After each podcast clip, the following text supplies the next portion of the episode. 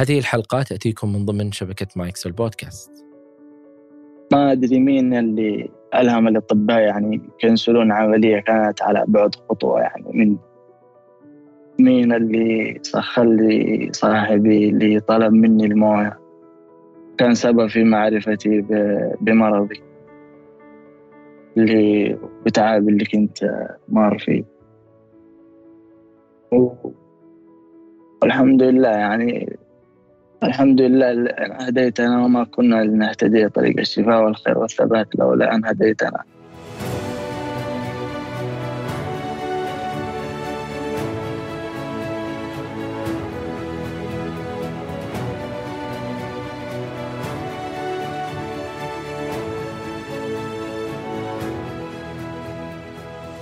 أهلا بكم يا أصدقاء. في هذه الحلقة آه، شاركني فيصل رحلة آه، طويلة كانت مع المرض المزمن. وكيف آه، تأثرت حياته بشكل كبير بسبب ممكن جهل الناس اللي حوله بالشيء اللي يمره حتى زياراته المختلفة للأطباء واختلاف التشخيصات وعدد من الأشياء اللي بدأ الموضوع بشكل يعني أعراض جسدية وكيف أثر عليه آه، بشكل آه، نفسي. آه، كيف ساعدته الرقية بشكل ممتاز بهذا الموضوع. شاركني تفاصيل هذه التجربة من أول زيارة له حتى وقتنا هذا. لا تنسوا يا أصدقاء تقييم البودكاست على آيتونز. كذلك مشاركة الحلقات السابقة مع من تحبون عبر منصات التواصل المختلفة. أي شخص حاب يشارك تجربته معنا هنا على البودكاست أتمنى منك أنك تتواصل معي على العنوان البريدي وهو أسامة وجدان دوت كو كل شيء ذكرناه في هذه الحلقة تجدونه في وصف هذه الحلقة. وشكرا لكم. أنا وسام بن جيفان وهذا وجدان. وش اللي حصل؟ اللي حصل كنت إنسان طبيعي إنسان جيد أحمل في داخلي بذرة طيبة أصيلة الحمد لله. نشأت على سجايا حميدة بأخلاق كريمة. والحمد لله كنت منها حفاظ كتاب الله. آه، حالي حال نفسي حال أي إنسان ثاني في هذا العالم. أداوم ألعب أصلي ذاكر آكل أسافر أطلع مع أصحابي مع أهلي فأتم صحتي وعافيتي آه، بداية المعاناة كانت تقريبا في عام 2017 أذكر إني صحيت من النوم يومها كنت أتألم من بطني. ألم كذا غريب لا هو مغص ولا هو ولا هو اضطراب اللي كنت أحس فيه مجرد ألم. جلست أتذكر أقول أنا وش أكلت. آه، أنا إيش سويت. وعادي قلت في نفسي آه، ممكن وقعة طبيعية وتروح. وحتى ما رحت للمستشفى ولا نويت إني أروح. مرت الأيام. كان الألم كل شوي يزيد. كنت أكابع نفسي ولا كنت أحب المستشفيات. آه، بديت أتعود على هذا الألم كأنه جزء مني. يوم ورا يوم ورا يوم أطيح وأقوم كبرت على هذا الوضع وتعودت على الألم تقريبا لمدة سنة. وكأني إنسان طبيعي ما أشتكي من ألم أبد كأن الألم جزء مني. في بداية الأمر كنت أقول في نفسي يمكن الألم آه، من عاداتي السيئة اللي أسويها آه، أنا صراحة أكون صريح إني آه، كنت أعسل أيامها خليت هذا السبب في عقلي ومشيت عليهم على أيام ما كنت ملاحظ على نفسي إنه والله في ألم لازم أروح أكشف على نفسي أشوف أنا إيش فيني بالضبط. وجلست على هذا الحال تقريبا سنة أو سنة ونص. فجأة في يوم من الأيام جاني ألم شديد في بطني ألم مستمر ما وقف. وكل شوي يزيد. وعشان ما أحب المستشفيات آه، كنت أكابر على على نفسي. أقول شوي وبيروح الألم لكن التشنج ظل مستمر ما راح. ظل الألم مستمر تقريبا لساعة ما وقف. كل ماله يزيد ومن شدة الألم وصل بفينات المطاف لازم أطلع على المستشفى حالا. طلعت على المستشفى قسم الطوارئ. المغذيات والمسكنات والحاجة اللي وقف الألم. حسيت طعم العافية لأنه أول مرة يمر علي وجع وألم تعب مثل هذا. آه رجعت على البيت ولا كأن شيء صار. كنت أقول يمكن تسممت من أكل أو إني لخبطت في شيء معين. ولكن بعدها بكم يوم رجع لي الألم نفسه والتشنجات نفسها ونفس الحال. رحت على المستشفى لكن في المرة الثانية طلبوا يسووا لي أشعة تلفزيونية. وبعد الأشعة شخصوني الأطباء بالقولون العصبي لما قالوا كذا جاني إحباط حرفيا. لأنه ما توقعت في يوم من الأيام مصاب بهذا المرض المزمن في هذا العمر من حياتي خاصة بس خلاص سلمت الأمر لله قلت في نفسي الحمد لله لا اعتراض على قضاء الله. كنت أحسب أن المرض هذا وراثي لأن أبوي الله يحفظه كان في هذا المرض. بعدها عرفت أني لازم أتأقلم على الوضع وأتعايش مع المرض. في نفس الوقت كنت ألوم نفسي على العادات السيئة اللي كنت أسويها. مرت الأيام أذكر أيام كنت في سنواتي الأخيرة في الجامعة. كانت من أثقل وأشد الأيام على نفسيتي لدرجة إني ما أبغى أداوم ولا أسوي أي شيء وضميري الدراسي حرفيا زيرو. مع إنه بالمفترض أكون متحمس على أبواب تخرج ولكن الضمير والحماس تلاشى حرفيا. فوق هذا كنت أكابر على نفسي وأذاكر وأداوم بعد أسابيع قليلة رجع لي الألم والتشنجات مرة ثالثة. ولكن مرة هذه كابرت. ولكن مرة هذه ما كابرت على طول. عرفت إن الألم ما راح يوقف. اضطريت أروح المستشفى على طول ونفس الشيء مسكنات ومغذيات. لين يوقف الألم وأرجع البيت. استمر الألم هذا يجيني فترة ورا فترة ونفس الموال قعدت على هذا الحال تقريبا سنة. على أبواب المستشفيات رايح جاي رايح جاي. كنت عايش حياتي أيامها بدون أي طعم. صرت بدون أي شغف للحياة بدون ضمير تبلد عظيم. شغفي كان ميت حرفيا. لدرجة إني ما عاد أحس بجوع ما عاد أحس بفرح ولا عاد أحس بحزن. قلبي مات رسمي كل اللي أحس فيه ضيقة كتمة غثيان ما صرت أضحك كثير زي أول مزاجي يتقلب في الساعة ألف مرة وتركيزي آه، قل درجة صرت ما أتذكر إيش اللي صار أمس. وفين حطيت أشياء أنسى كثير ذاكرتي ذاكرتي مع التجمع. آه، أمشي مفاهي أخلق سيناريوهات مغلوطة. كان صاحبني خوف مع توتر غريب. آه، جسمي كان مشدود دائما أحب العزلة. أحس بحرارة في جسمي بطني أحس فيه نار. وزني طاح. وجهي مشهوب دائما أحس بنوم وخمول طاغي. لما أروح أنسدح أبغى أنام يجيني أرق وما أنام. كنت في كل مرة أحس بهذه الأعراض هذا الشعور أقول يا فيصل أنت مريض قولون وهذه أعراض ولازم لازم تتعايش معاه وتتعود عليه. أذكر كنت لما أشكي لأحد من أهلي وأصحابي أو اللي قريبين مني طلبهم يقولون هذه أعراض القولون عدل أكلك وعدل نومك وكل ما عدلت أكلي ولا نومي ما في فائدة بعدها خلاص تعودت على الهم صرت خلاص أمشي متبلد فجأة فيصل اللي كان يضحك آه، اللي كان نشيط كان بشوش. اجتماعي صار ما حد يضحك ولا منعزل. كسل ومتبلد. فيصل اللي دايم يطلع مع أصحابه ما عاد يحب يطلع كثير. كنت ما أحس إني مرتاح أبدا مع نفسي. صراحة كنت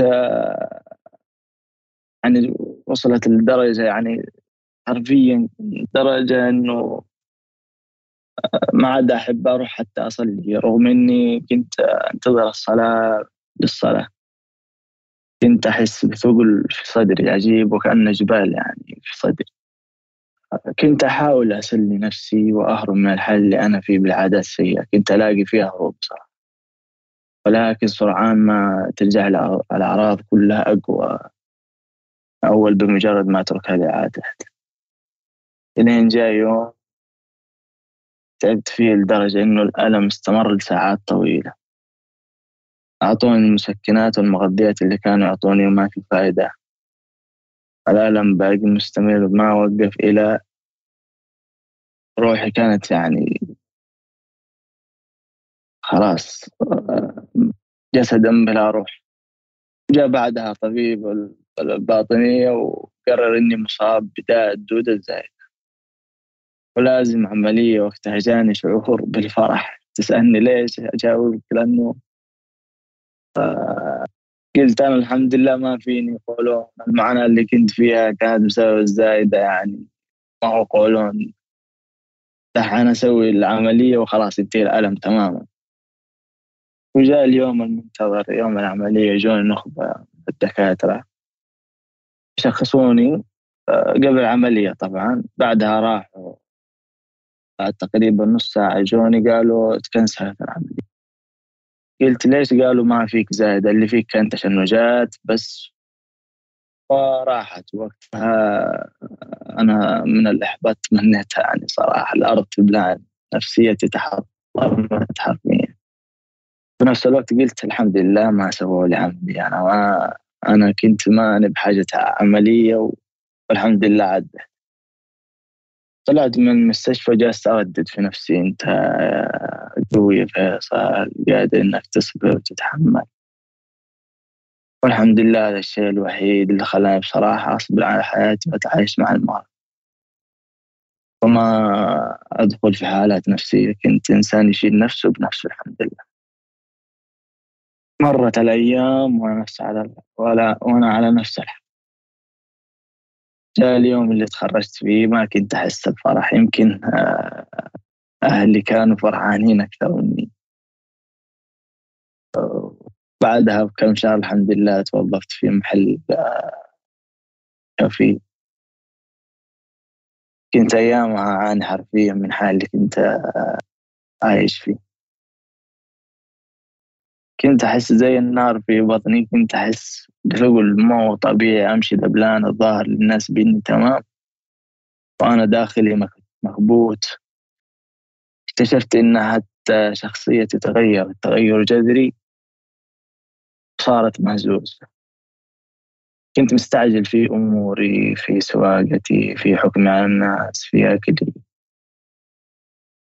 كانت آه، روحي طايرة بمعنى بالمعنى الصح وصلت لمرحلة ماني قادر أقول كلمتين على بعض. كان داخلي ركام من الحطام تحطمت حرفيا مرت الأيام وجاء شهر القرآن رمضان في سنة عشرين عشرين سخر لي لي الله شخص عزيز على قلبي أخذ بيدي وقال لي امشي. أنت لازم تحلل جرثومة. كنت أقول جرثومة؟ قال لي واحتمال فيك جرثومة. وفعلا رحت سويت تحليل بعد ساعتين طلعت النتيجة وكانت إيجابية. كنت أقول لهذا الشخص أنت فينك من زمان؟ لو تدري متى أعاني وقتها جاني شعور بالفرح صراحة. نفس اللي أجاني يوم قالوا إن عندك الدودة الزايدة آه بعدها صرفوا لي كورس أدوية والحمد لله خف الألم كثير. آه كان في فرق واضح. رحت أسوي تحليل بعد الكورس وطلعت النتيجة سلبية الحمد لله. بدأت أحس بالعافية بدأت نفسيتي تزين. آه، رجعت لي ضحكتي آه، كنت أقول في نفسي إن كل المعاناة والألم اللي كانت آه، فيني من الجاثومة لا قولون عصبي ولا دودة زايدة ولا غيره. ما كملت الأسبوع إلا ورجعت لي كل الأعراض. بدأ الإحباط يأكلني ويجيني أقوى من المرات الأولى لكن عطيت نفسي أمل. وقلت ممكن الجرثومة ما راحت. ممكن باقية في بطني اضطريت إني أسوي التحليل مرة ثانية لكن الغريب إن النتيجة طلعت سلبية.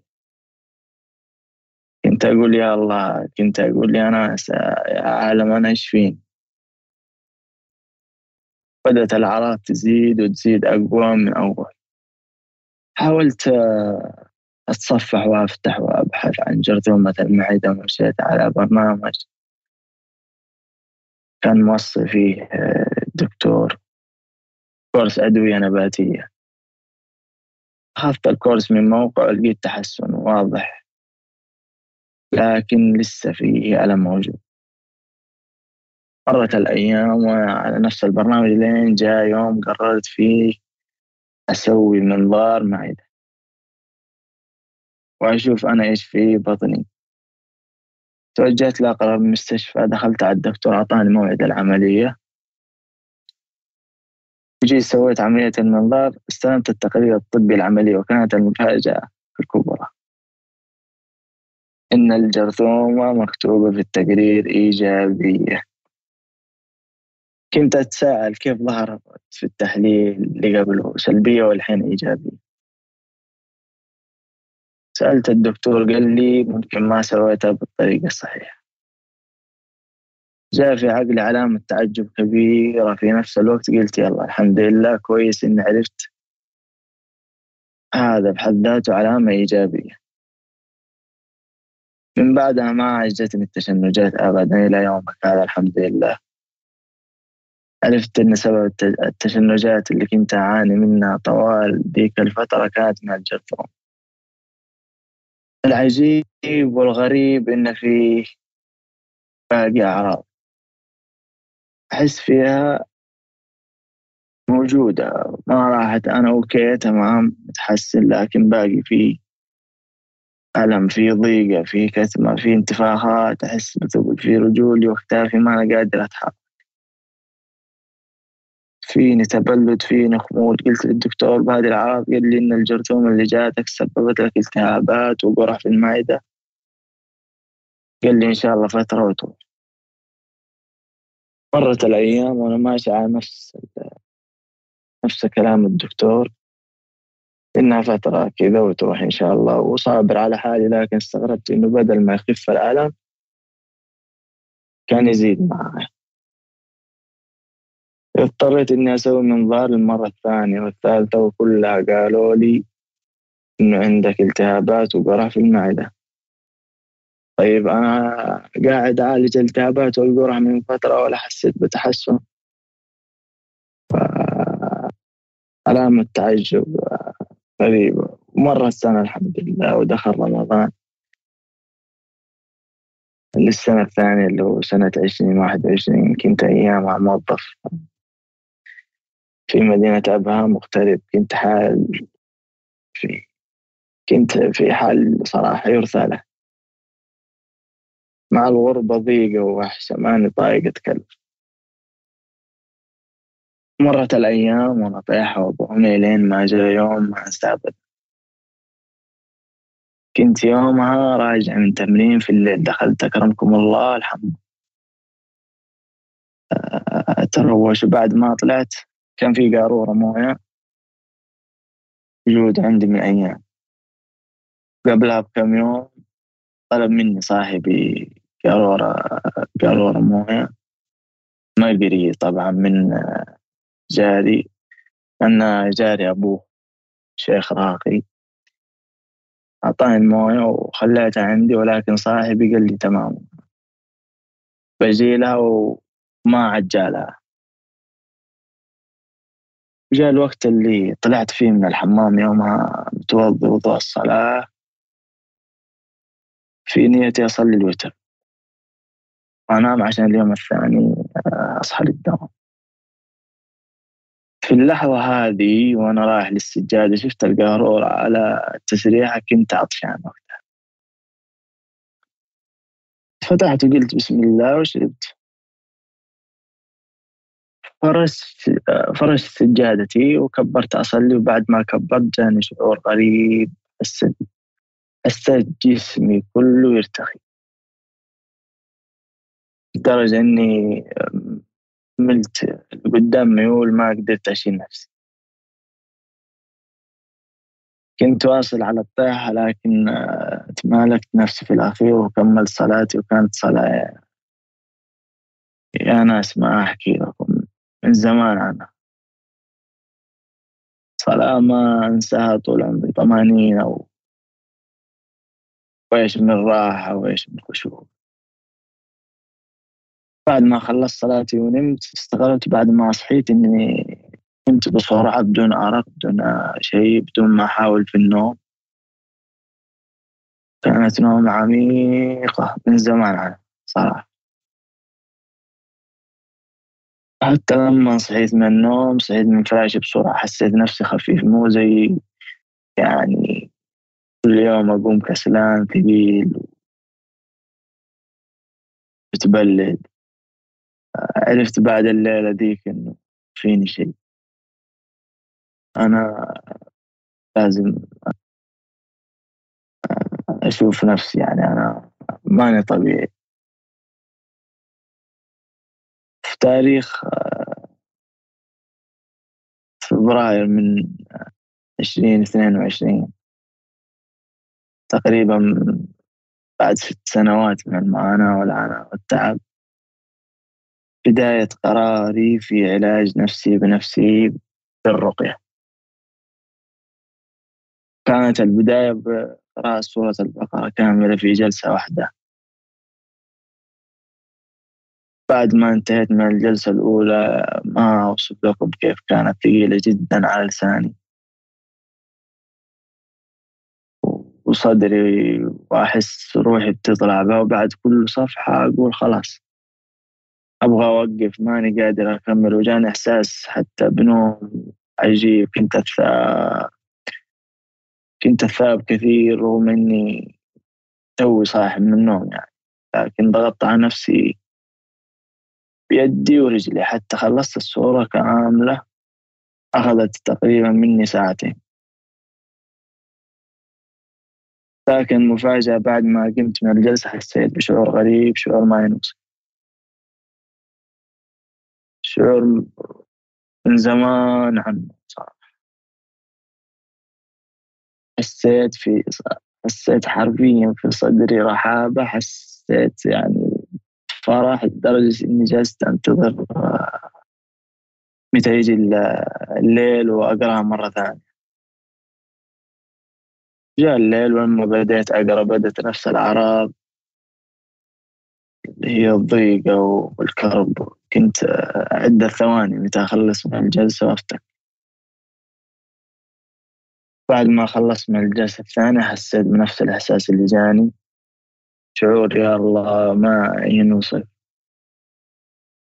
حسيت بعافية حسيت بتغيرات جذرية. عرفت وقتها مع الحديث تعلموا سورة البقرة فإن أخذها بركة وتركها حسرة ولا يستطيع البطلة.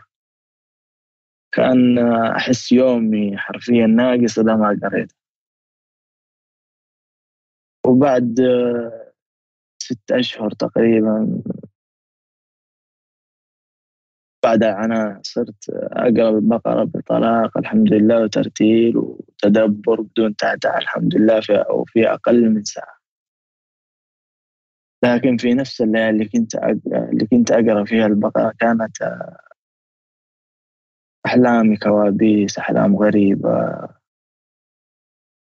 لما أطلع مع أهلي وأصحابي أحس ببرد شديد. أشياء غريبة كانت تحصل لي في ذيك الفترة رغم إنه رغم هذا كله إلا إني كل يوم أحس بتحسن. عدل بغض النظر عن اللي يصير. بديت أميز أشياء كثيرة. بديت أشم أكثر. بديت بدأت الغشاوة اللي كانت مغطية على عيني تروح. بدأ الظلام اللي كنت عايش فيه يتلاشى ما أدري إيش اللي كان فيني. الحمد لله ولكن أنا في تحسن حاليا. وحتى نومي كنت أصحى من النوم خفيف بدون ثقل وتعب بدون عناء. بعدها بديت أبحث عن عالم الرقية وكيف أقرأ على نفسي وأرقي نفسي وأعرف تفاصيل أكثر في هذا الموضوع آه، إيش السبب اللي ما خلاك مثلا تروح الراقي؟ ما فكرت إنه تقول يعني أغلب الناس لما يمر ب مثلا عنده رغبة آه، بالرقية الشرعية آه، أول شيء يتوجه له إنه يبحث عن عن راقي ويعطيه فلوس ويقرأ عليه. صراحة كنت ناوي كنت ناوي أكون صريح معك كنت ناوي إني أروح لكن آه، قلت في البداية خليني أنا مع نفسي إذا ما قدرت أو حسيت آه، ما في تحسن آه، بروح. كنت أسمع أيامها إنه والله في رقاة كثير يعني ما أدري يعني همهم الفلوس ولا تطلع من عنده ولا تستفيد شيء. فقلت آه، توكل على الله يا فيصل و... وأنت أرقي نفسك بنفسك. وهذا هو يعني آه، أنت ذكرت لي إنه أنت يمكن أبحرت شوي في موضوع الرقية آه، الشرعية والقراءة فيها. الأصل هو إنه الإنسان عنده هذه القدرة إنه آه، يقي نفسه بنفسه. آه، ليش إنه يستعين بشخص آخر وهو عنده هذه الأدوات اللي بإمكانه تساعده من ناحية آه، القراءة الشرعية. نعم صحيح. لذلك ترى كثير طبعا أنت تقول الكلام هذا اللي قوي ويقدر يشيل نفسه بنفسه ويؤمن بالقرآن وأنه شفاء ورحمة. ولكن بعض الناس ما تقدر يعني. عشان كذا يلجون للشيء. خرقة فاللي قوي يقدر يعني إنه يكمل ويقرأ على نفسه ويتحسن آه، يتحسن يوم ورا يوم. قبل آه، قبل ما نكمل يعني بيحصل لك بعد الرقية الشرعية بداية الموضوع أنت ذكرت لي إنه في 2017 لما بدأت تمر بال يعني بالتغيرات هذه اللي كانت بالنسبة لك آه، شيء مجهول. أنت ما تعرف إيش الأسباب وش اللي حاصل لك وليش هذه الأشياء تصير لك. والغموض اللي موجود حول كل تجربه هذه. ومنها أنت آه، انعزلت بشكل آه، أكبر آه، وتأثر يعني تأثرت حياتك والمجتمع اللي حولك. كيف كانوا الناس يشوفون فيصل في هذاك الوقت؟ هل في أحد جاء كلم قال لك ترى إحنا شايفين شيء متغير أو ما انتهى فيصل اللي نعرفه؟ صراحة إلا فيه صراحة أكثر إنسان كان واقف جنبي عارف إنه أنا ماني تمام وضعي ما هو تمام وماني فيصل لي زمان لكن صراحة كانت أمي هي السند اللي قالت لي فيصل من بداية تعبي قالت لي فيصل ممكن أنت فيك شيء أو حاجة؟ روح اقرأ على نفسك روح عند شيخ روح كذا ولكن ما كنت مؤمن بالحاجات هذه يعني كنت أقول اللي دراما ممكن اللي بعيد عن الله طبيعي يحصل كذا. لكن أنا الحمد لله أيامها يعني الحمد لله كنت حافظ على الصلاة أروح وأجي. ولكن الحمد لله يعني في ناس كانت جنبي يقولوا لي يا فيصل أنت متغير. طيب كيف كنت تتعامل مع الوضع؟ أنت ذكرت لي إنه أحيانا بعض العادات كنت تعملها لأنك تبغى تهرب من الواقع اللي حولك. هل كان في شيء تعتقد إنه ساعدك في هذاك الفترة إنه تخفف عليك ما هي ما هي مثل العادات اللي كنت يعني لا تحبذ إنها كنت أنت تمارسها؟ صراحة لقيت نفسي وهروبي كله في في القرآن كنت صراحة لما أجلس كذا أتوضأ وضوء الصلاة وأجلس أقرأ فيه القرآن. كنت من بداية ما أقرأ وأنا أحس إني في عالم ثاني صراحة من الراحة والطمأنينة والسكون و خلاص من بعدها أنا بديت آخذ على نفسي عهد إني ما أوقف آه، القراءة.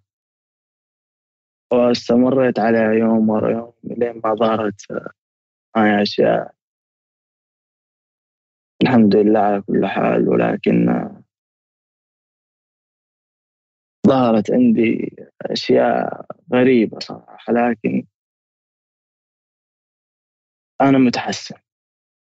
أنا متحسن. أنا أني فيصل اللي آه، قبل المعاناة والعناء آه، أنت في لحظة من آه، في فترة من الفترات بالمشكلة اللي مرت أنت ذكرت لي إنه يعني حتى كان كانت الصلاة ما هي سهلة عليك مثل السابق، كان الأمر متعب بالنسبة لك صح؟ صحيح. كنت أحس لما قبل التعب كنت أروح أصلي الحمد لله وأنا تمام أموري طيبة لكن بعد التعب وبعد الأعراض اللي جتني كنت أروح كذا أصلي على قولتهم. عادة خلاص أنا فيصل اللي زمان كان يصلي ونفسه يصلي لكن حاليا أول كنت أصلي بخشوع طمأنينة الآن كذا يعني أصلي كعاده وأطلع من المسجد وأنا ما في أي شعور ومرورك بال... بال... بالأعراض هذه يعني أنت ما ذكرت لي أنت حافظ للقرآن صحيح؟ الحمد لله آه فيعني آه ويمكن هذا التصور اللي أحيانا يكون إنه الأشياء اللي أنت تمر فيها مثلا بسبب بعدك عن الله أو بسبب آه يعني آه مشاكل أنت أرجع آه ومارس العبادات وحتى إنه آه أمورك تتحسن.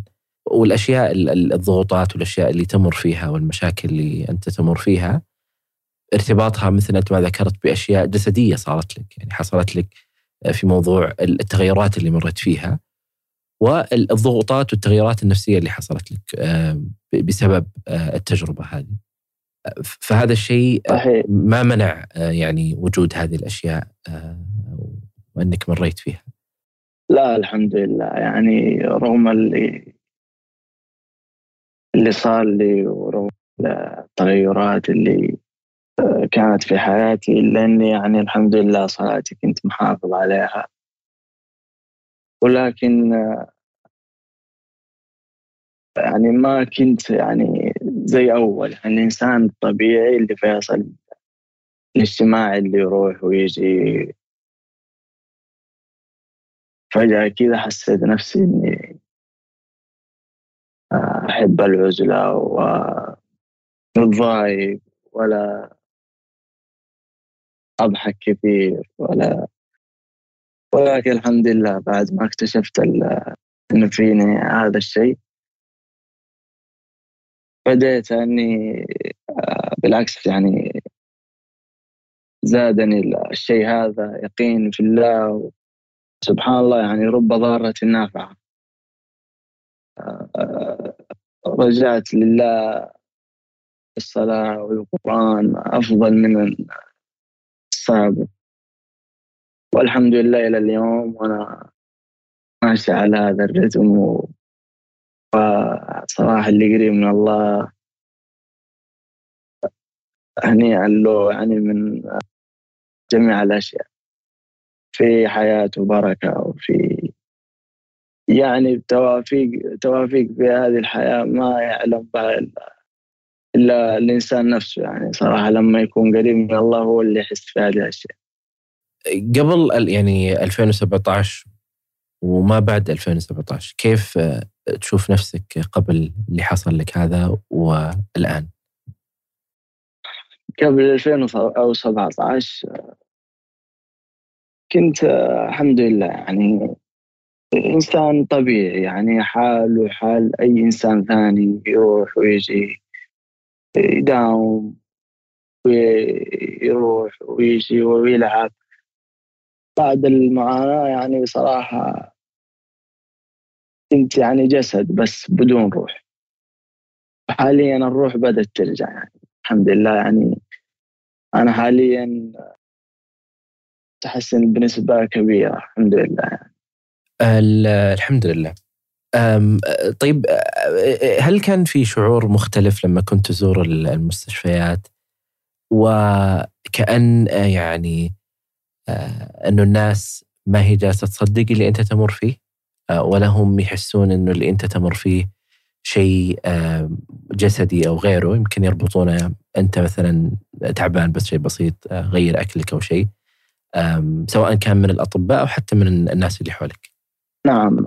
كان يعني اللي حولي كان يقول لي أوفر ودراما. لكن الشخص الوحيد اللي كان يقول اللي كان حاسس بتعب بصراحة وكان حاسس بالألم اللي كنت أعانيه اللي هو آه، أمي. بعيدا عن آه، الكل يعني. رغم إنه آه، يعني أروح وأجي والمستشفيات دائما يعني ما كنت في الفترة هذيك آه، جدا يعني كنت من بمجرد ما أدخل المستشفى ويعرفوني يعني. خلاص أنت جيت كم مرة خلاص أنت لك الدواء الفلاني و لكن الشخص الوحيد اللي كان واقف معي امي هو بس هذا هو هذا الشيء كيف أثر عليك لما يعني يمكن حتى الناس اللي هم الأطباء يمكن ما تحس إنهم كانوا مهتمين بالشيء اللي انت تمر فيه؟ والله ما أدري لكن اللي يقولوا لي أنت تحاليلك سليمة اللي فيك بس مجرد انتفاخات و خلاص هذه ممكن يقولون أو إنك أكلت حاجات ميتة ما وين ولكن الحمد لله يعني أنا أستغرب الكلام هذا. يعني أقول ما فيني شيء يعني غريبة كذا بس فجأة جتني التشنجات هذه. والألم هذا ما أدري من فين جاء. ولكن ما أدري إيش الجانب بالضبط. آه طيب آه بعد الآن موضوع الرقية الشرعية واستمرارك على آه القراءة بشكل آه يعني ثابت آه إيش اللي حصل بعد هالفترة؟ اللي حصل كان تغيرات جذرية صراحة. طلعت لي اعراض وجفة وانتفاضة بعد يعني جلسات مع الرقية مع نفسي طبعا. و... لكن الأعراض هذه ما خلتني أوقف بالعكس خلتني أكمل وخلتني في تحسن. رغم الأعراض ولكن أنا متحسن أنا في وضع أحسن من اللي قبله. الأعراض اللي كانت تطلع آه، إيش كان يعني الأشياء اللي كنت تمر فيها؟ تقصد في في نفس الرقية ولا إي. قبل ما أرقي نفسي؟ لا بعد الرقية. بعد الرقية صراحة كان انتفاضة. آه، جتني رجفة كان عيوني تدمع كان تظهر لي أشياء وأحلام وكوابيس. و... ولكن الحمد لله الآن يعني خفت كثير هذه الأعراض. آه، أنت لا تزال الآن آه، تأخذ آه، الأدوية وتتابع في المستشفى؟ لا الحمد لله. يعني صراحة أنا سبق وأعطيتكم معلومة أني ما أحب المستشفيات ولا أحب الأدوية ولا. ف... الحمد لله الآن لا أستعمل أدوية ولا شيء دواء الوحيد هو القرآن والحمد لله أنا في تحسن. الحمد لله. كيف الآن طيب وضعك بشكل عام؟ لي يعني تغير موضوع الأعراض إيش التغيرات اللي حصلت لك وحسيت إنه الحمد لله أمورك في هذه الفترة أحسن؟ صراحة يعني رجعت ضحكتي نشاطي شغفي رجع على رجع فيصل اللي كان الأولاني. وأحسن انه صراحة زاد يقيني بالله أكثر. وصرت أروح أصلي وأنا مبسوط أكثر من أول والحمد لله يعني آه، من شاف مصيبة غيره كانت مصيبته ومن ناحية يعني تواصلك مع الأشخاص والأمور اللي تغيرت أنت قلت لي أنه موضوع العزلة والأشياء هذه كيف الآن وضعك؟ لا حاليا الحمد لله يعني أروح وأطلع وأجي وبالعكس يعني صار صارت الدائرة الاجتماعية عندي أكبر وموسعة أكثر من أول. آه الحمد لله. آه وإلى الآن أنت لا تزال مستمر على الرقية؟ نعم آه إلى الآن مستمر و... بالعكس يعني آه خلاص خليتها عادة حتى لو إني بخير وتمام أموري طيبة ولكن خلاص أنا أخذت يقين بالله إنه القرآن هذا ما أقدر يعني صراحة خاصة البقرة يعني حصلت فيها بركة آه، كبيرة في حياتي وجالس أشوفها يعني الحمد لله. من تيسير أمور سعة في الرزق ورحابة في الصدر الحمد لله. الحمد لله. إيش الشيء اللي أنت ممكن تقوله للاشخاص آه، آه، اللي يمرون بنفس هذه التجربة اللي هم يعني ما هم قادرين يوصلون لتشخيص معين وعندهم آه، يعني محاولات كثيرة مع الزيارات والأشياء هذه. صراحة رسالة حابة أوصلها لكل من يسمع إن العافية ناس والله غالي. ما يحس بطعمها اللي محروم منها. والإنسان هذا ضعيف في هذه الحياة. يصبح قوي كل ما تحسن كل ما ذكر ربه كل ما حافظ على قيام الليل كل ما كان مع الله قريب. آه، يكون الله معاه أقرب وأقرب. والله العظيم ما راح تحسون بطعم العافية حتى تذوقوا يعني الوجع. دائما دائما أسأل الله السلامة في هذا الزمان حافظ على نفسك ترى الروح غالية. صدق لسان الشاعر حين قال فكم لله من تدبير أمر وكم في الغيب من تيسير عسر وكم من كرم ومن لطف خفي ومن فرج يزيل به الكروب. صراحة ما أدري مين اللي ألهم الأطباء يعني يكنسلون عملية كانت على بعد خطوة يعني من مين اللي سخر لي صاحبي اللي أخذ بيدي وقال لي إنه عندك ممكن يكون عندك جرثومة روح حلل فعلا مين اللي سخر لي صاحبي اللي طلب مني الموية؟ كان سبب في معرفتي بمرضي اللي بتعب اللي كنت مار فيه.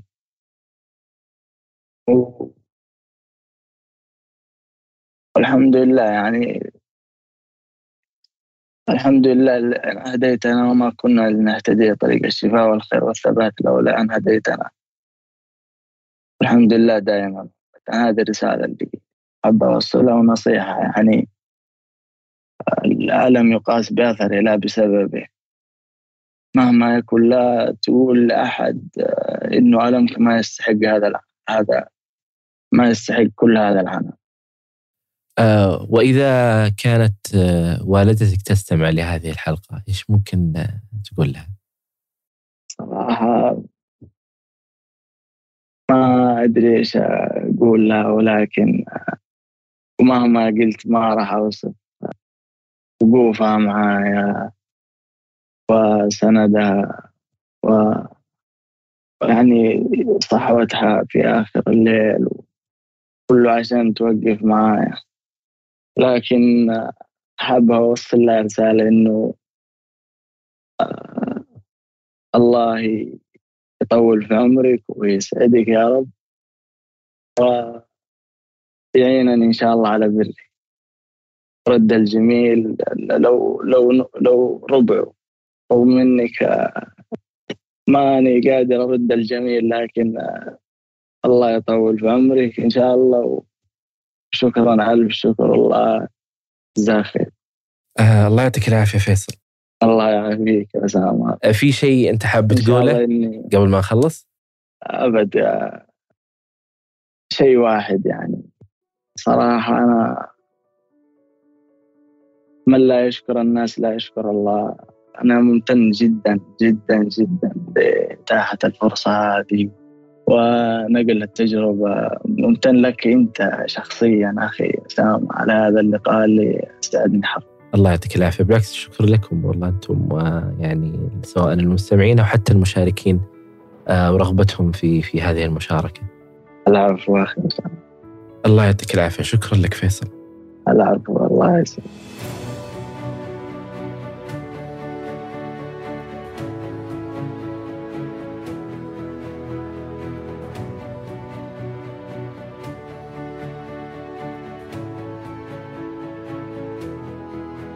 شكرا لكم يا أصدقاء لاستماعكم لهذه الحلقة. لا تنسوا تقييم البودكاست على آيتونز. كذلك مشاركة الحلقات السابقة من تحبون عبر منصات التواصل المختلفة. أي شخص حاب يشارك تجربته معنا هنا البودكاست أتمنى منك أنك تتواصل معي على العنوان البريدي وهو أسامة at وجدان dot com كل شيء ذكرناه في هذه الحلقة تجدونه في وصف هذه الحلقة وشكرا لكم. أنا أسامة بن جيفان وكنتم مع وجدان.